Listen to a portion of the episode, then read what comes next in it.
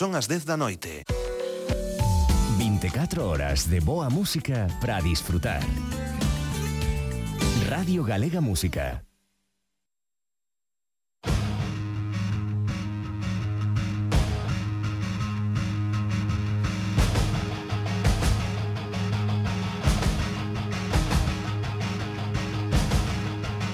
Cara B, con Manuel de Lorenzo.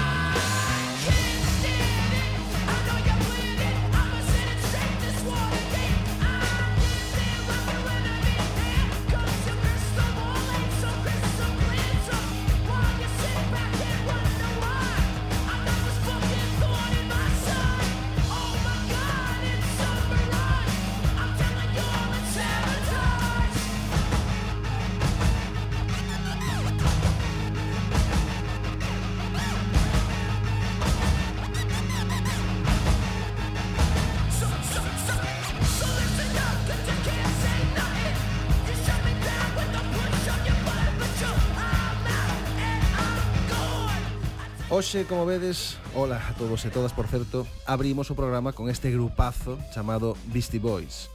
Porque a min é un grupo que me fascina, hipnotízame o son dos Beastie Boys, maravíllame o seu eclecticismo, como logran manter toda unha serie de influencias musicais en perfecto equilibrio. Porque a súa música é unha mestura entre hip hop, no que se refire á voz e a algunhas bases, así como o emprego de samples e de técnicas como scratching, con unha boa dose de punk que se aprecia nesas guitarras, nesa rebeldía, nesas letras, en esas baterías e liñas de baixo, pero ao mesmo tempo hai elementos do hard rock, percusións tribais, teclados propios da psicodelia e tamén aparecen ás veces algúns ecos electrónicos. É unha pasada. E claro, para min, que son un completo namorado da fusión, todo isto que logran colocar sobre os seus temas os Beastie Boys é unha especie de milagre musical.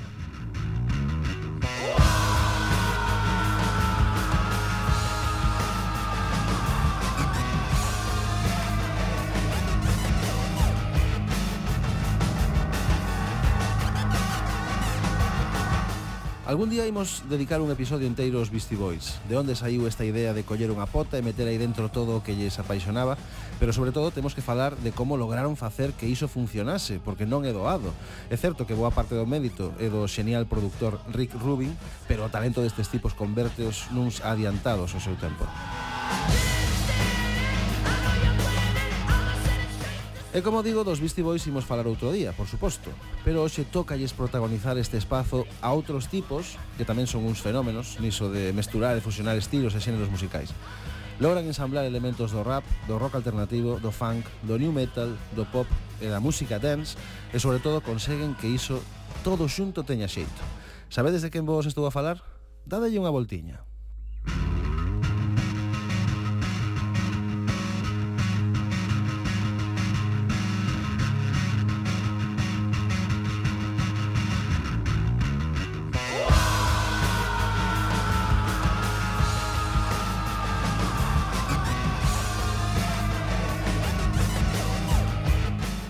Pois hoxe o programa vai tratar sobre o caótico proceso de formación durante os primeiros anos 80 dunha das bandas de fusión máis talentosas de sempre, os Red Hot Chili Peppers. Non imos facer un percorrido enciclopédico pola súa carreira, se sabedes que neste programa non facemos iso, adoitamos centrarnos en momentos pouco coñecidos da vida dos grupos e dos artistas, na parte de atrás da súa trayectoria, e por iso hoxe imos descubrir as raíces deste grupo. Imos contar unha historia que vai dende os inicios da banda cando o seu nome aínda era Tony Flow and the Miraculous the Majestic Masters of Mayhem ata que se consolidou a formación clásica do grupo con Anthony Kiddis, Flea, Chad Smith e John, e John Frusciante. Foron uns anos marcados pola rebeldía, a inexperiencia, a xuventude, a precariedade, os excesos, a heroína e tamén a morte. Botando unha ollada ao seu estilo de vida, é case un milagre que solamente falecera un deles por sobredose, concretamente Hillel Slovak, o guitarrista cando contaba con 26 anos de idade. Sen embargo, co paso do tempo, os Red Hot Chili Peppers rematarían estabilizándose, sentando a cabeza e converténdose nunha das bandas máis afamadas da historia do rock. Unha banda que aínda segue en activo e cuns inicios asombrosos os que hoxe lles dedicamos este episodio. Así que xa sabedes, quedade con nós porque a cousa nesta hora que temos por diante vai de boa música, eh, ademais contamos cunha gran historia que é do que se trata. Eu son Manuel de Lorenzo e aquí arrinca Cara B.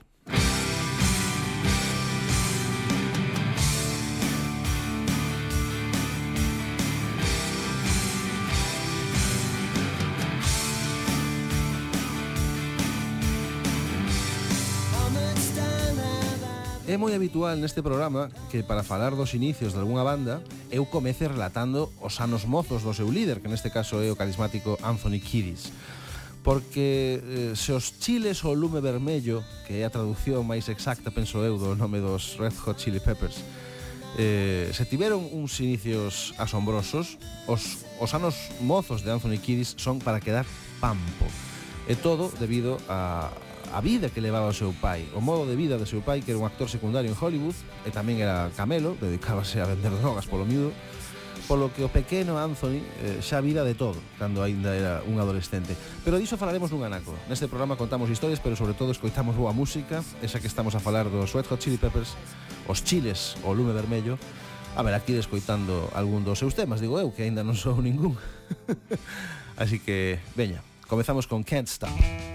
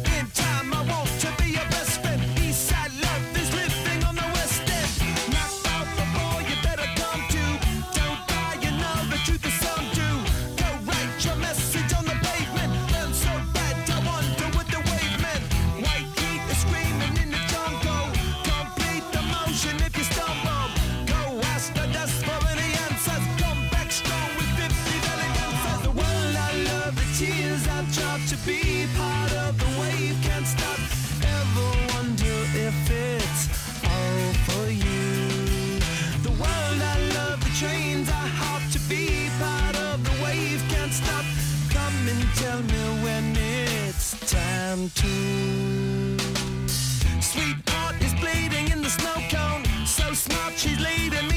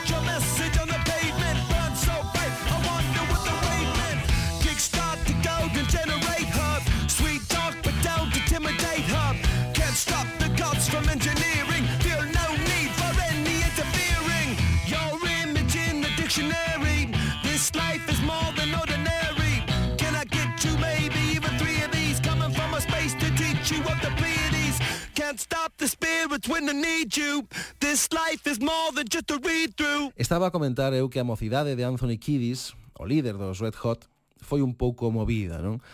E iso debeuse fundamentalmente ao modo de vida do seu pai, Johnny Kiddis, coñecido como Blackie Dammit. Este home divorciouse da nai de Anthony cando el tiña 4 anos e o rapaz viviu tranquilamente coa súa nai ata os 11 anos de idade, xa que ela cría que o seu pai non era unha boa compaña para o cativo, non? Non obstante, a medida que Anthony ia medrando, a súa nai foi entendendo que era importante para o seu fillo ter unha boa relación co seu pai. Así que permitiu que Anthony se mudara a California, xunto a este, xunto a Blackie Dammit E ali o neno descubriu unha vida chea de liberdade, pero tamén de excesos e de drogas. El mesmo confesou eh, por exemplo, que perdera a virxinidade nada máis chegar aos Ángeles os 12 anos de idade, os 12 anos de idade, coa moza do seu pai, que foi quen alentou e consentiu que aquel encontro entre a súa moza e o seu fillo de 12 anos acontecese. En fin, isto xa nos danos unha idea de como, como eran as cousas, non? Anthony foi matriculado nunha escola para nenos actores e chegou a participar baixo o alcume de Cole Dammett nunha serie cómica para a televisión. Ademais, eh, acompañando o seu pai nas súas festas e tamén nos seus negocios turbios, dende que era un rapaz puido coñecer os clubs nocturnos e as salas de concertos de Sunset Strip e presenciar os directos das bandas que formaban a escena punk rock naqueles finais dos anos 70 en Los Ángeles. Foi no ano 1979 cando decidiu subirse el mesmo en riba dun escenario e comezar a facer de mestre de cerimonias e presentar os concertos dunha banda de amigos seus chamada Anthem. E aquí é realmente onde comeza a historia dos Red Hot Chili Peppers. Nesa faceta de Anthony Kiddis, quentando o show e presentando as cancións doutros, é onde o cantante adquiriu o carisma suficiente para ser un formidable frontman como é. Pero claro, faltáballe ter o seu propio grupo.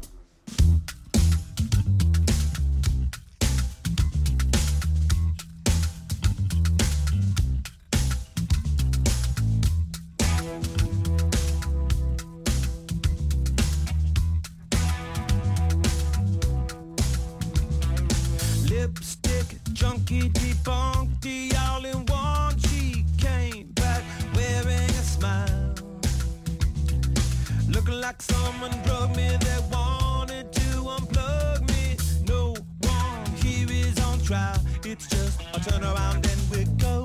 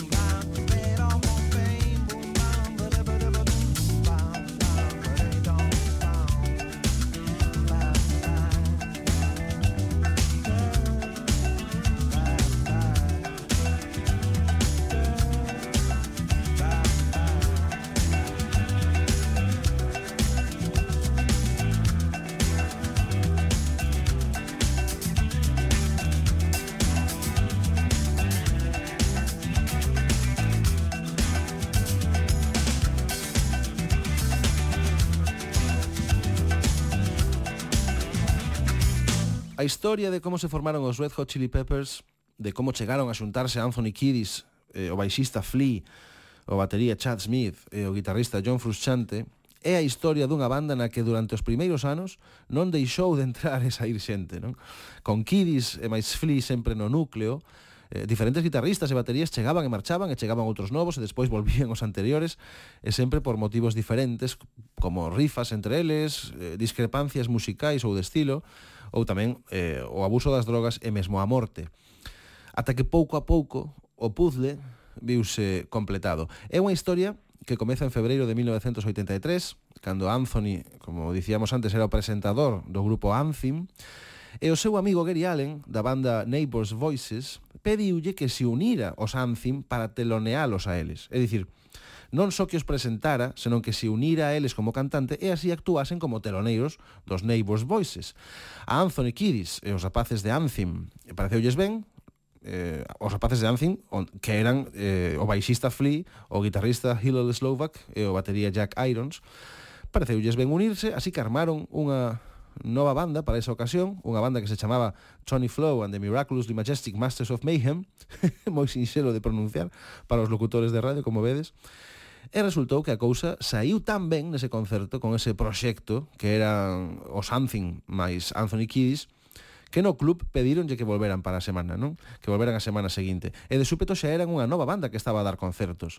Foi aí, foi nese momento cando cambiaron o seu nome polo de Red Hot Chili Peppers, debido a que o nome original era un pouco incómodo, e seguiron tocando en varios clubs dos Ángeles e empezaron a adquirir certa fama, sobre todo polas súas actuacións en directo, nas que aparecían completamente espidos, cun calcetín cubrindo os seus xenitais.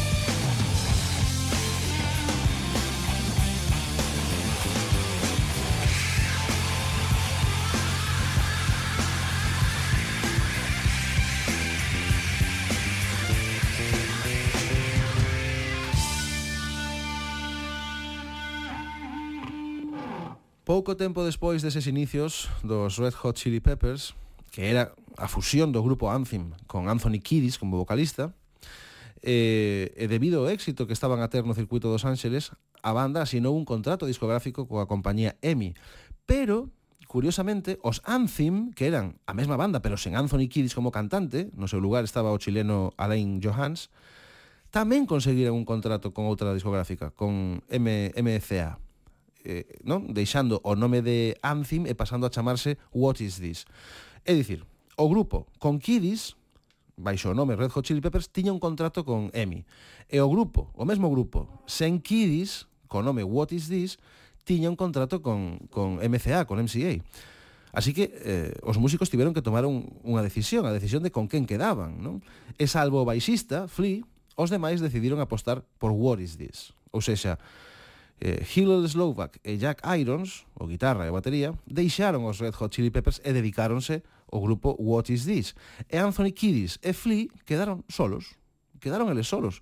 Tiñan un grupo que se chamaba Red Hot Chili Peppers que tiña un contrato discográfico, pero solamente estaban el, o cantante e o baixista, polo que eh, decidiron reclutar a novos membros para os Red Hot Chili Peppers. E foi así como entraron no grupo o batería Cliff Martínez, un coñecido de Flea, da banda de punk The Weirdos, e o guitarrista Jack Sherman. O elixido para producir o seu primeiro álbum sería Andy Gill, o guitarrista de Gang of Four. Nun principio, Kiddis quería titular o disco True Men Don't Kill Coyotes, pero a compañía fixo presión para que o título fose finalmente Red Hot Chili Peppers, non? un álbum homónimo. O disco saiu a venda eh, en 1984 e foi un fracaso absoluto, un fracaso comercial. A xira estivo un pouco mellor en canto a éxito, Eh, pero Kidis e eh, o guitarrista Jack Sherman tiñan unha relación moi tensa, así que Sherman foi despedido e regresou os Red Hot Chili Peppers o guitarrista Hillel Slovak, que tampouco se atapaba moi cómodo en What Is This.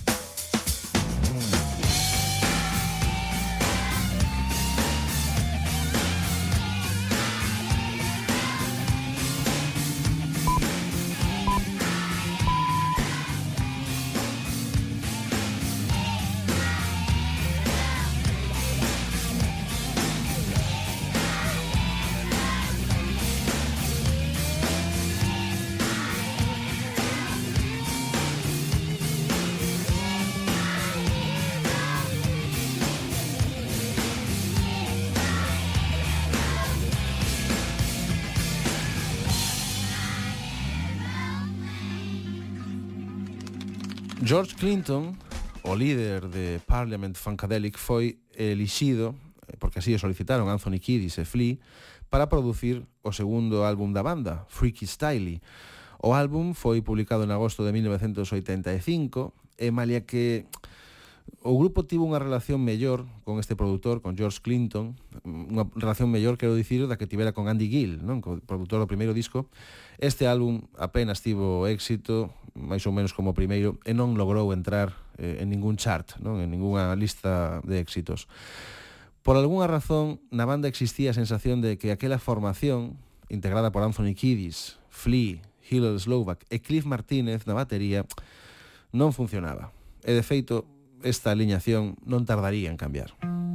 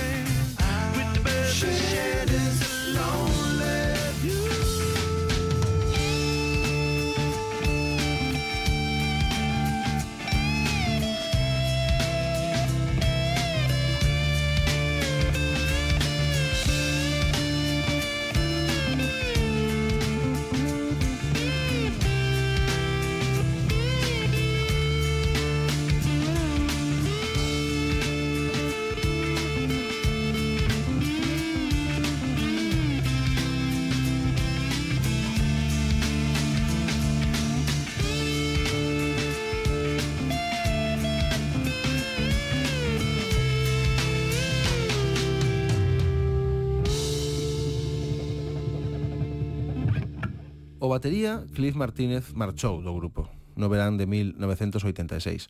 Jack Irons, o batería de What Is This, solicitou entón volver á banda e o resto dos Red Hot Chili Peppers dixeronlle que sí, polo que de súpeto apenas uns anos despois da separación do grupo en dúas bandas con diferentes contratos discográficos, non? Eh, os Red Hot Chili Peppers por un lado con Anthony Kiddis como cantante e eh, What Is This por outro lado con outro cantante eh, de súpeto volvían a estar xuntos, non? No ano 1986 os integrantes eh, dos Red Hot Chili Peppers volvían ser curiosamente os mesmos que nos inicios, ou seja, Kiddis, Flea, Slovak e Irons. Os mesmos que baixo o nome de Tony Flow and the Miraculous, the Majestic Masters of Mayhem, telonearan eh, tan só tres anos antes a banda Neighbor Voices, e visto o éxito daquele concerto, decidiran fundar un grupo. Entón as cousas regresaban ao punto de partida. É certo que o abuso das drogas por parte de Anthony Kiddis era desmedido, eh, e o resto do grupo eh, non, non entendía esta relación de Anthony coas drogas e mesmo chegaron a despedilo non? E buscaron outro cantante pero en fin, no fondo os Red Hot eran el así que regresou a banda eh, pouco despois. Ou seja, estaban os mesmos que a fundaran. Un ano máis tarde, en 1987, eh, o seu terceiro disco, The Uplift Mofo Party Plan, saiu á venda, converténdose no primeiro álbum dos Red Hot Chili Peppers en aparecer na algún chart. Suamente chegaron ao posto 148 no Billboard Hot 200, é verdade, pero aquilo era un éxito eh, en comparación cos dous primeiros álbums que foran un fracaso. A cousa, polo tanto, ia ben, semellaba que todo marchaba na boa dirección, por fin, ata que o horror da heroína, a que estaban totalmente enganchados Anthony Kiddis e Hillel Slovak, causou a morte deste último. O guitarrista, de 26 anos de idade, falecía o 25 de xuño de 1988. Kiris abandonou a cidade e non asistiu ao funeral do seu amigo considerando que aquilo non podía ser real, non? que non estaba a acontecer. Fuxiu a México, onde permaneceu uns meses tentando desintoxicarse. O batería, polo seu lado, Jack Irons, tomou a decisión de abandonar o grupo alegando que non quería ser parte dunha banda onde os seus amigos morrían. E, polo tanto, Anthony Kiddis e Flea, unha vez máis, estaban sós nos Red Hot Chili Peppers. Música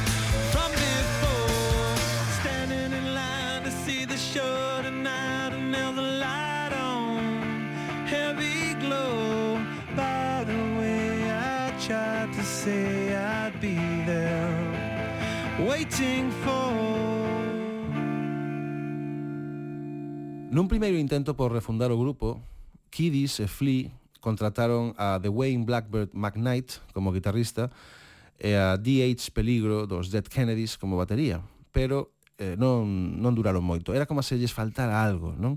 Anthony Kiddis e, e Flea non atopaban o que estaban a buscar. Sen embargo, D.H. Peligro era amigo de Flea e faloulle dun rapaz que era fan dos Red Hot Chili Peppers e que se cadra podría ser un bo sustituto para o falecido Hillel Slovak. Ese rapaz era John Frusciante.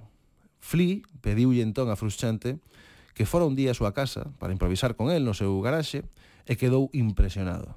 Non? Tanto que decidiu, xunto a Anthony Kiddis, que aquel mozo era o novo guitarrista dos Red Hot Chili Peppers. Aquelas improvisacións no garaxe, por certo, converteríanse máis tarde en algunhas cancións dos Red Hot, como por exemplo eh, Pretty Little Ditty. As cousas funcionaban, polo tanto, con Frusciante, tiña un talento descomunal e, ademais, na parte creativa era un complemento perfecto para Flea e para Kidis, que coa súa axuda comenzaban a escribir cancións que co tempo acabarían sendo eh, coñecidísimas, non? Faltaban tres semanas para entrar a gravalas estas cancións no estudio, eh, pero claro, o grupo aínda non tiña un batería, non? Jack Irons tamén marchara do grupo. Así que volveron deixarse aconsellar e un amigo de Flea e de Kidis faloulles dun batería que estaba totalmente centrado no seu instrumento, un tipo moi bo que mesmo almorzaba na batería con tal de non deixar de tocar. Chamábase Chad Smith. Os Red Hot fixeronlle unha proba e quedaron abrallados. Eh, Chad pasou a formar parte da banda e xuntos remataron de darlle forma ás cancións que formarían parte do disco Mother's Milk. A banda entrou por fin no estudio, polo tanto, pero a grabación non saiu ben. Estivo moi entorpecida polos conflictos do produtor do álbum, eh, Michael Bainhorn, que non deixaba que os músicos tocasen libremente o que querían. Non? Estaba emperrado, por exemplo, en que John Frusciante tocase riffs de heavy metal. Eh, isto poder, poder apreciar en temas como Stone Cold Bash. Eh, claro, era algo que molestaba moito a John Frusciante. Aquel non era o seu estilo, non? Entón, a formación dos Red Hot Chili Peppers era a definitiva, pero aínda precisaban dun produtor que lles deixase facer o que eles sabían facer. Música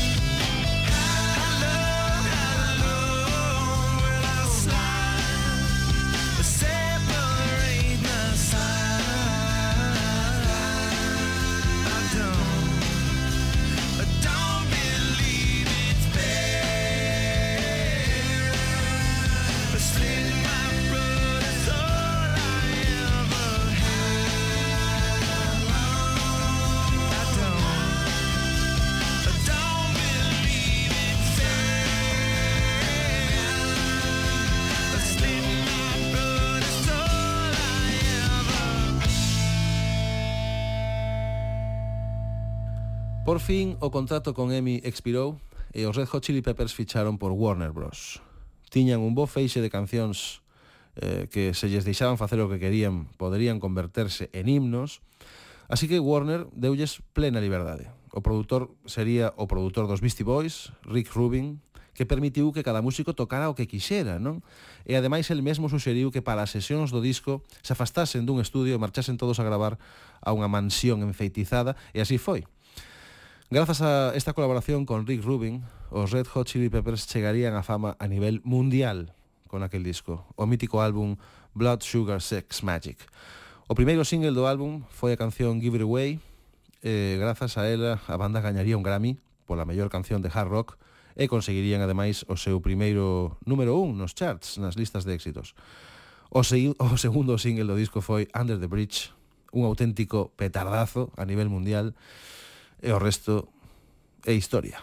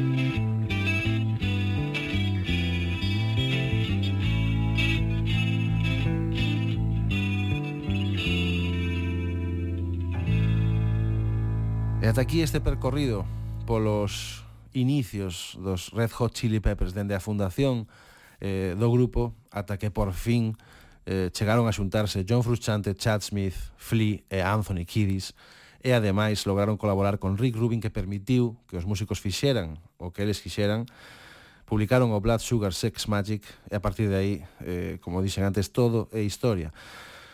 Ata aquí este programa sobre estes inicios cheos de azar, de rebeldía, de xuventude, de drogas e de morte dunha das bandas máis míticas de sempre, os Red Hot Chili Peppers, os chiles o lume vivo. Agardo que vos gustara tanto como a nós este relato que tentou profundar, como sempre, na parte de atrás da historia da música, na parte menos coñecida, meténdonos un pouco a todos entre bambolines para entender mellor como se forxan os mitos do rock e do pop. Para nós foi un placer traervos este retrato sonoro hasta, ata este espazo no que se alternan as boas historias e as grandes cancións. Así que esperamos por todos vos a vindeira semana noutra entrega de Cara B. Pero se queredes atopar o resto dos nosos episodios, non esquezades buscarnos na plataforma radiogalegapodcast.gal ou na web da Radio Galega.